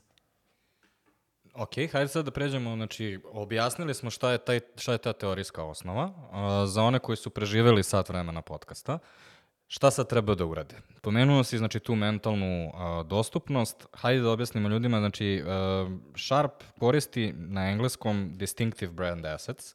Ja sam pitao chat GPT i chat GPT kaže prepoznatljiva sredstva brenda, što nisam smislio, ovaj, ali kao zvuči kao zaista dobar prevod. Ovaj, ali ajde objasni ljudima šta je to. Jer ti imaš recimo dobar primjer zašto ste nazvali šunku naška šunka. Da. O, pa to je dobro pitanje. Ja, sam, ja, ja ne, ne volim da koristim strane reči, odnosno engleske reči, pa pokušavam da prevedem sve što može da se prevede. Ja sam pokušavao ASE da prevedem, pa sam našao adekvatan prevod simbol, brand simboli. Ja sad ne znam da je dobro, ali ASET se de, definitivno odomaćio. Pa mislim, a, jedna od ključnih razlika između Sharpa i, i, i Kotlera je e, Sharp e, kaže da je ključno distinkcija, a Kotler kaže da bez diferencijacije brand ne može da raste. Znači, e, e, ta teorija diferencijacije je najzastupljenija i, e, ono, i u, teoriji i praksi. Iz diferencijacije izašao taj USP, Unique Selling Proposition, koji ono, najveći, naj, najčešće marketari koriste, koji kaže da ukoliko nemamo jedinstvenu ponudu, naša komunikacija neće biti dovoljno ef- efikasna. Šta ti misliš o tome? Pa, ovaj, negde u 30-ima, taj lik koji se zove, zove se Claude C. Hopkins, koji je ovaj, prvi to krenuo da gura, i on kada je napravio USP, um, ovaj, imao je mnoge velike proklamacije. Između ostalog, on je jednom rekao um, da je advertising doveden do tog nivoa nauke da danas je sve predvidljivo i ništa više ne može da nas iznenadi. Postoji citat njegov gde on to tačno govori. A, Volvo um, je primjer koji se obično koristi za USP, znači sigurnost, ja želim siguran auto i tako dalje. Prvo mislim da mu Sharp mrsi konce zbog toga što ja jednog dana želim siguran auto, sledećeg dana ko zna šta želim. A drugi problem je e, što FMCG industrija posle 90-ih nas je naučila da kada ne postoje funkcionalne razlike u brendu, mi i dalje možemo da kreiramo razlike koje nisu universal selling proposition, znači ja ne kažem tebi kupi drugačiji proizvod. Recimo, idealan primjer za to mi je DAV. DAV i Nivea su poprilično slični sapuni, kupke ili kako već to želite zovete. Međutim, DAV ima veoma drugačiju brand priču. Znači, fura se na celu priču o jednakosti, pravima žena i tako dalje. I to je ono što ja asociram sa davom i to je ta mentalna prisutnost. Ja kada razmišljam o mnogim različitim a, situacijama, kao što je Peđa rekao, mnogo često i češće pomislim na dav, a Nivea je, pomislim ono kada vidim onu kremu okruglu i kada uđem u Bravo. apoteku. To je sad ono moje pitanje. Ja moram da priznam da sam ovde možda je ovo jedna od stvari gde uh, sa Saletom ne, ne mogu baš u potpunosti, tu mi Sharp nije baš lego do kraja u tom nekom smislu, jer dobro, sad ima i ta, ovaj, da kažemo, aforistička stvar, uh, zašto zapravo je Sharp napravio toliki boom, ovaj, njegova knjiga, pa zato što je diferencirana u odnosu na ove ostale marketičke knjige. Tako da se postavlja pitanje da li je diferencijacija zapravo važna u, u Sharpovom smislu, očigledno da jeste. Ali to je recimo dobar primer. Znači ti si sad pomenuo DAV uh, i sve to što si ispričao, po meni, prevazilazi taj nivo mentalne prisutnosti. Dakle, uh, to je sad ono kao, mi imamo sijaset nekih knjiga koje pričaju, uh, mislim, nije sad što sam, ja, ja sam diplomirao na temi uh, emocionalno pozicioniranje, emocionalno pozicioniranje u, u, u marketingu i ovaj, u, kad sam spremao, onda sam gledao raznoraznim onih, uh, od brand purpose-a preko culture koda koji svi pričaju na tu temu da postoji to nešto što nas vezuje za određeni brand, a da nije samo njegova boja i to što sam ja na polici video da je on zelen, zelene boja dok su svi ostali sivi. Dakle, znači, postoji nešto dublje nego što je tada da kažemo, ono, sad ja donosim zaključak o Goranu zato što on, ne znam, nosi plavu košulju i ja ću na osnovu plave košulje da donesem zaključak o tebi.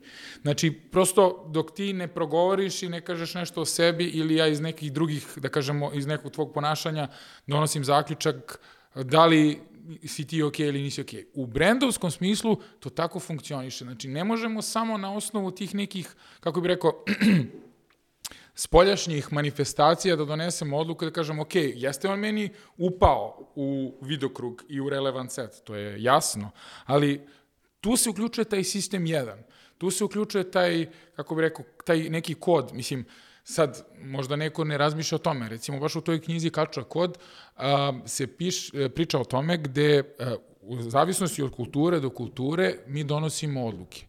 I postoje određene specifičnosti u tom stvarno našem kulturnom kodu koje nas teraju da, da zapravo donosimo odluke kako donosimo. Na primjer, kada bismo stavili sir kačkavalj u plastičnu kesu i stavili ga na policu ispred francuskog kupca, on bi vas ubio. Zašto? Zato što je njihovom kodu uh, da sir je jedna, kako bi rekao, nežna stvar koja nikako ne može da bude. Znači, na tom perceptivnom nivou on ne može da zamisli da mu sir bude u plastičnoj kesi. Znači, to mora da bude u kartonskoj, lepo upakovano, zato što je za njih sir božanstvo. U Americi možete da ga stavite u plastičnu kesu, niko neće ništa da vam kaže, baš ih briga. Znači, u tom nekom smislu brand, kako bi rekao, funkcioniše na, neko bi rekao, pa pakovanje, kao kakve veze pakovanje ima. Ali nešto postoji u tom sistemu jedan što nas tera da donesemo odluke u, kupovini. Tako da, ja bih rekao da ok, slažem se sa vama da diferenciranje više nije nešto što Volvo jeste jedan primer gde se on baš pozicionirao funkcionalno i u tom smislu to je jeste pravi primer nekog diferenciranja, ali mislim da ono kao diferenciranje u smislu specifičnosti i funkcionalnih karakteristika proizvoda nije toliko izraženo, ja se tu slažem i ne možemo na tome da gradimo ovaj, ajde da kažemo, konkurentsku prednost. Ima jedna druga stvar tu. Uh, šta kažu podaci? Uh, brendovi koji, uh, na primjer, FMCG, uzmemo Pepsi i Coca-Cola. Većina potrošača smatra da je to isto. Kad pitaš istraživanje, kažu da je to isto. Ali ipak kupuje Coca-Cola. Čak uh, u tehnici, Apple. Apple ima malo izraženije taj ono jedinstvenost, međutim, veći broj potrošača smatra da je Apple isti kao svi ostali uh, brendovi u tehnici. Pa ipak baš Apple kupuju. Znači, postoji nešto drugo. Znači, samo da završim. Uh, diferencijacija takva, sa karakteristikama, megabajti, uh, više, veći procenat nečega, se teže pamti. To je keč. Mnogo lakše mi, kad izazovemo emociju koju Dav izazove, taj brend mnogo se lakše usidri u glavi i mnogo lakše se zapamte asocijacije vezane za neku priču brenda. To se lakše. Diferencijacija treba da postoji. Pogotovo, na primjer, ja sam u hrani veći deo i važno je kad ti imaš 70% mesa od buta, važno je da, da na taj način imaš asocijaciju kvaliteta, to je, to je važno da postoji. Ali mnogo će lakše da se za, zapamti priča koja je vezana za brend. Ta emocija koja se, koja se izazove. Znaš, e, ja volim uvijek da se vratimo na ono, na ono bazično. Šta je svrha brenda? Svrha brenda je da bude prepoznat kao proizvod i usluga koji zadovoljavaju određenu potrebu. Važno da bude prepoznat, da mi usidrimo dovoljno, dovoljno, dovoljan broj asocijacija koje nam pomažu da brend bude primećen i prepoznat. I zato su nam bitni aseti, ali evo, teo si nešto da kažeš. Ne, pa to. To si sad, to što si rekao, ja, ja se tu isto slažem, ali sad je tu pitanje, da li smo sa svrhom to ono što, što i ti kažeš, ovaj, svrha brenda, ok, svrha brenda samo po sebi nije, nije ovaj, dovoljna, što bi Saša rekao, ovaj, citirajući Šarpa da je to nadgrobni spomenik ovaj, brenda, ovaj, to jeste tačno, ali suštinski uh, o, postoji, postoji, ta, uh, postoji ta veza uh, koja po meni uh, se između ono što sam rekao na početku brenda i kupca dešava na, na više nivoa i sigurno da to na kraju dana utiče da izabereš taj proizvod, koliko god mi misli da je to cena. Neki put, kao mi smo racionalno doneli odluku, izašli smo iz prodavnice i rekli ja sam kupio, znači imamo prosto uh, ovaj, sigurno postoji nešto što, ne, što je nas, da kažemo, uh, nagnalo da kupimo taj brend. Evo, možda ja mogu da vas pomirim kao jedan a, potrošač sa strane, ovaj, pošto ja ne kupujem suhomesnato generalno, znači ja sam neki light user.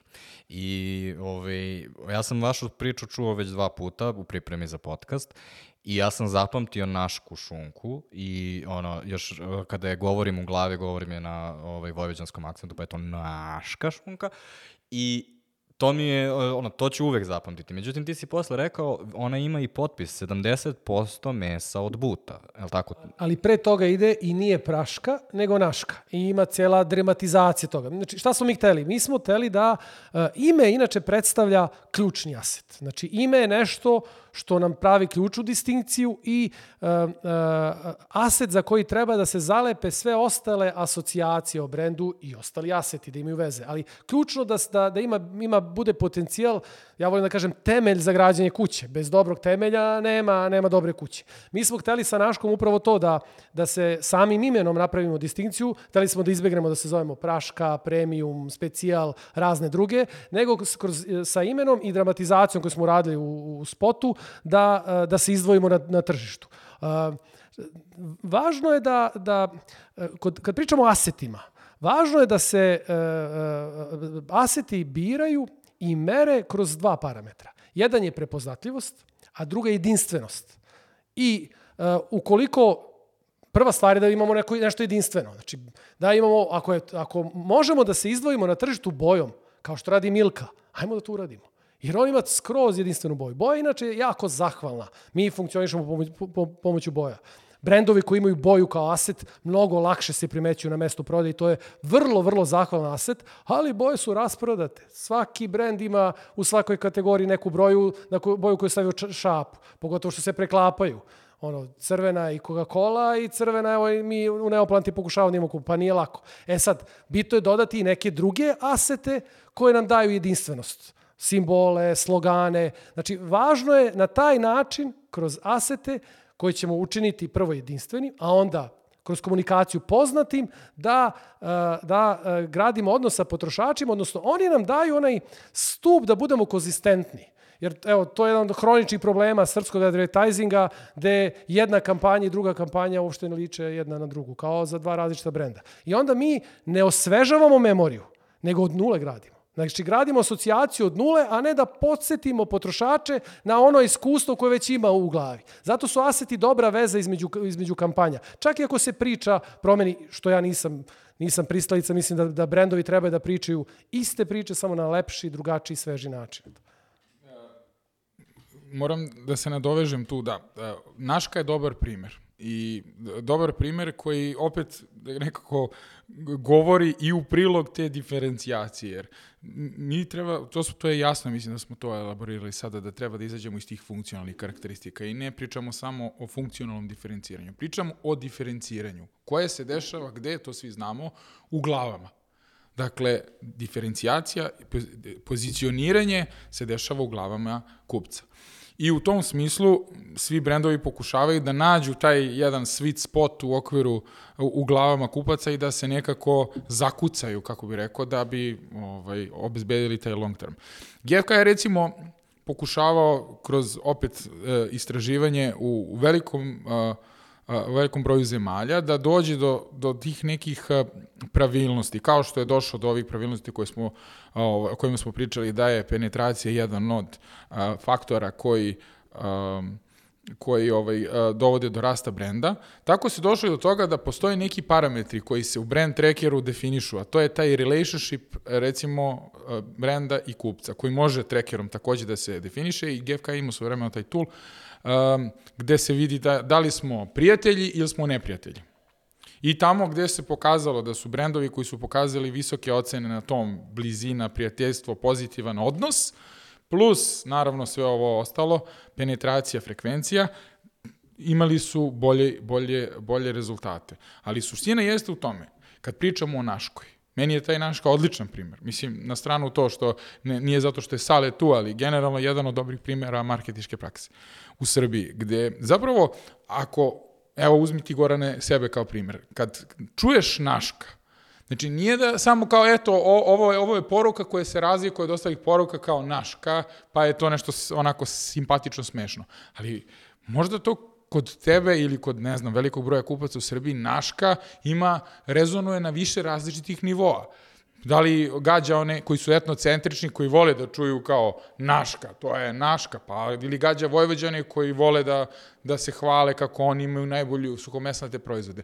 Ali, znači, nije to samo da se on komunikacijom razlikuje od ostalih uh, kampanja koje vidim u tom bloku, jer uh, ono što se pokazalo iz opet nekog našeg iskustva, često se dešavalo u bankarskom sektoru, recimo kad se testiraju reklame, da vi ovaj, uh, uh, neke banke rade dosta dobro svojim kampanjama na imidžu konkurentskih banaka, pošto kad pitate ispitanike, možete se setiti čija je to reklama bila, oni kažu, setim se i navedu pogrešnu banku, naravno, i vi onda shvatite da ste odradili, niste uložili jedan dinar, a dobili ste na Vernesu.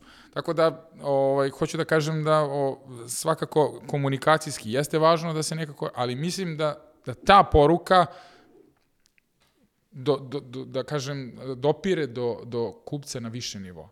Hajde da pokušamo da pojasnimo ljudima um, koji su to brand aseti velikih domaćih brendova, da bi oni znali kao na primeru da to ide. Evo recimo Guarana. Znači, jedan aset je ime Guarana. Drugi aset bi bio No Sleep, je tako, kao njihov slogan. Treći aset bi bila Sovica. Tako? Brand ikona, tako. Zelena boja, da li bi bila? Pa da, jeste, žuto-zelena boja, ta kombinacija. Ne, ne mora znači da bude samo boja kao bazična boja, nego taj dizajn, kombinacija boja može isto da bude, ne znam, ja, ja sam puno radio na, na Capriju i na tim prugama i vraćanju pruga. Znači, to je jedan vrlo onako zahvalan aset koji te baš diferencira, odnosno praviti distinkciju odnosu na druge i vrlo, vrlo lako ga prepoznaješ. Da li je za Capri nostalgija, na primjer? Da li nešto tako može da bude brand asset?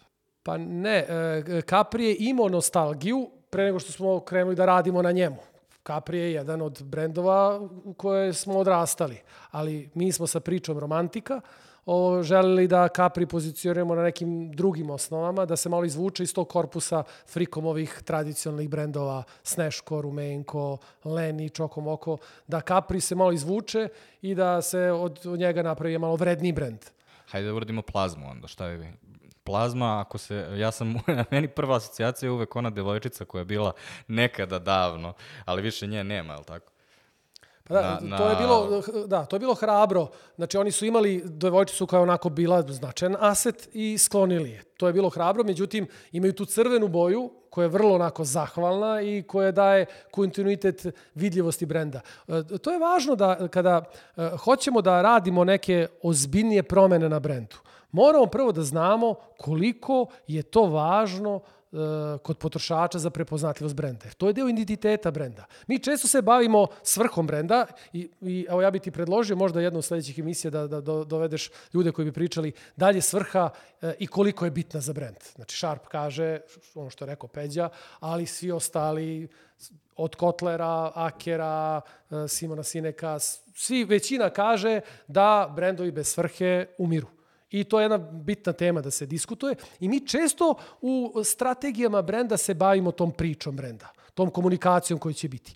A olako te e, vizualne simbole brenda stavimo po strani i, i lako se odlučimo da menjamo. Mislim, ja kad sam u Frikomu bio, pruge nisu bile na Kapriju. Neko je to promenio. Jer nekom se verovatno nije svidelo, nekom direktoru se nije svidelo. Došao novi direktor marketinga, normalno sa njim se počinje. Sve što je prethodno bilo ne valja, idemo od nule. E, moramo da znamo prvo šta je to deo identiteta brenda po čemu nas potrošači prepoznaju. Prvo vizualno, a posle i kroz priču. Tako da, da je to u, primjeru plazme ono vrlo, vrlo hrabro bilo, ali su ostali, ostali drugi aseti plazme. E, ako mogu samo za trenutak, ova tema sa, oko svrhe je vr, vrlo interesantna i ovaj, ja se tu e, slažem sa savjetom, neki put brendovi previše akcenta uh, daju na tu svrhu misleći da će ta svrha stvarno da, kako bi rekao, odradi svoj posao i da će ona sad dovede do toga kao što imamo primere ovaj, da se e, kupci zaljube u brend. Mislim da se u tom smislu malo, malo se preteruje, moram da budem iskren, da je teško napraviti, iako postoji sad ona priča lojalnosti, koliko njih je zaljubljeno u brendu, otprilike toliko je oni koliko su, koji su uh, ekskluzivni kupci određenog brenda. Znači, njih nema puno. Njih nema puno. Ali ovo ću da kažem da, da uh, Svrha, recimo, je tema koja se dosta provlači u posljednje vreme i mi smo imali nek, jednu studiju koja se zvala Purpose Monitor, gde smo zapravo pokušali da, da, da vidimo prvo ko, koji su to kupci koji reaguju na to, to je jedna stvar, I to je ono što brendovi moraju da imaju vidu, dakle, kada komuniciraju. Ne, ne znači nužno da će svi kupci reagovati isto na tu poruku, znači morate da, da shvatite koga vi gađate tom porukom, tom svrhom koja, kažem, često se koristi u posljednje vreme. I ono što se pokazalo kao vrlo važan output ili insight jeste da kupci koji rezonuju, koji, koji, kojima to, ovaj, da kažemo, odzvanja u glavi, oni traže aktivno uključivanje u to zašto se brand zalaže. Dakle, nije potrebno, nije dovoljno zapravo da samo komunicirate, e, naš brand je uradio to, to i to. Ne, moraš aktivno da uključiš svoju ciljnu grupu, da se oni osjećaju delom, de, kao deo te priče, da oni prosto budu deo tog pokreta, ako već to tako treba da nazovemo, i, i, i samim tim onda možemo da očekujemo da ćemo kreirati tu lojalnu neku bazu koja je reagovala na tu svrhu. Ako mi kažemo, ok, naš brand se zalaže za to, to i to, pa evo, mi smo juče obnovili, mislim, to i ta poruka je puštena i ništa više ne radimo na tu temu, mislim, od toga pitanje da ćemo nešto uraditi. A, Saša, glavna zamerka koja se stavlja pred Šarpa i Šarpovce jeste da Šarp jako malo ima da kaže o kvalitetu kreative koji se servira. Pa ako ja imam svoje asete, imam ime, imam svoj slogan, imam svoju sovu ako sam Gorana, ti samo na billboard roka i do besvesti proizvod, aset, aset, aset i onda uh, su ljudi izvlačili ono, čitavu seriju tih ono, billboarda za neke velike brendove i tako dalje i rekli, evo, ti billboardi su užasno dosadni, ali rade po Sharpovom modelu. I onda još jedna posledica koja se desila recimo u Britaniji gde je Sharp postao izuzetno popularan jeste da sada recimo svaki brend osiguranja prodaje drugačija maskota. Pa onda ovo osiguranje ima Bulldoga zato što je Bulldog onda aset. Pa ovi imaju Geckoa zato što je Gecko onda postao aset, a nije aset kao što je recimo Nikola Jokić pa onda može da radi za druge brendove, nego ovaj Bulldog je naš Bulldog i svi ga prepoznaju i to je Bulldog za Dunav osiguranje, na primjer, mada oni imaju ovog Spasića sada. Ovaj, tako da, um, da li Sharp onda nas uči da kreativa nije bitna? Apsolutno nije tako. Uh, znači, uh, čak šta više, znači, pored aseta, uh, Sharp uh, naglašava koliko je važno da izazovemo emociju. Znači, sad je Peđa rekao da često marketari precenju značaj brendova.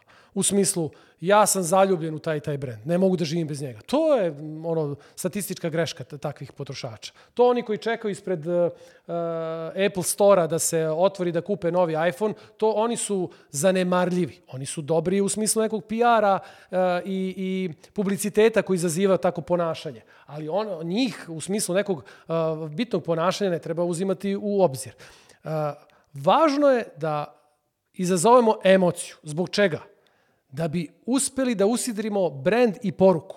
Znači, zbog čega, kad mi uh, kod potrošača izazovemo smeh ili rasplačemo, On je već, njemu je pažnja na maksimumu. On već je spreman da čuje šta Brandon da mu kaže. I on je otvoren da čuje svašta i možemo tada da ga ubedimo i da je... E, Naška ima 70% buta i da je iz Vojvodine i razne neke at atribute koje mi želimo da usidrimo u, u svest potrošača. Tako da kreativa je ključna.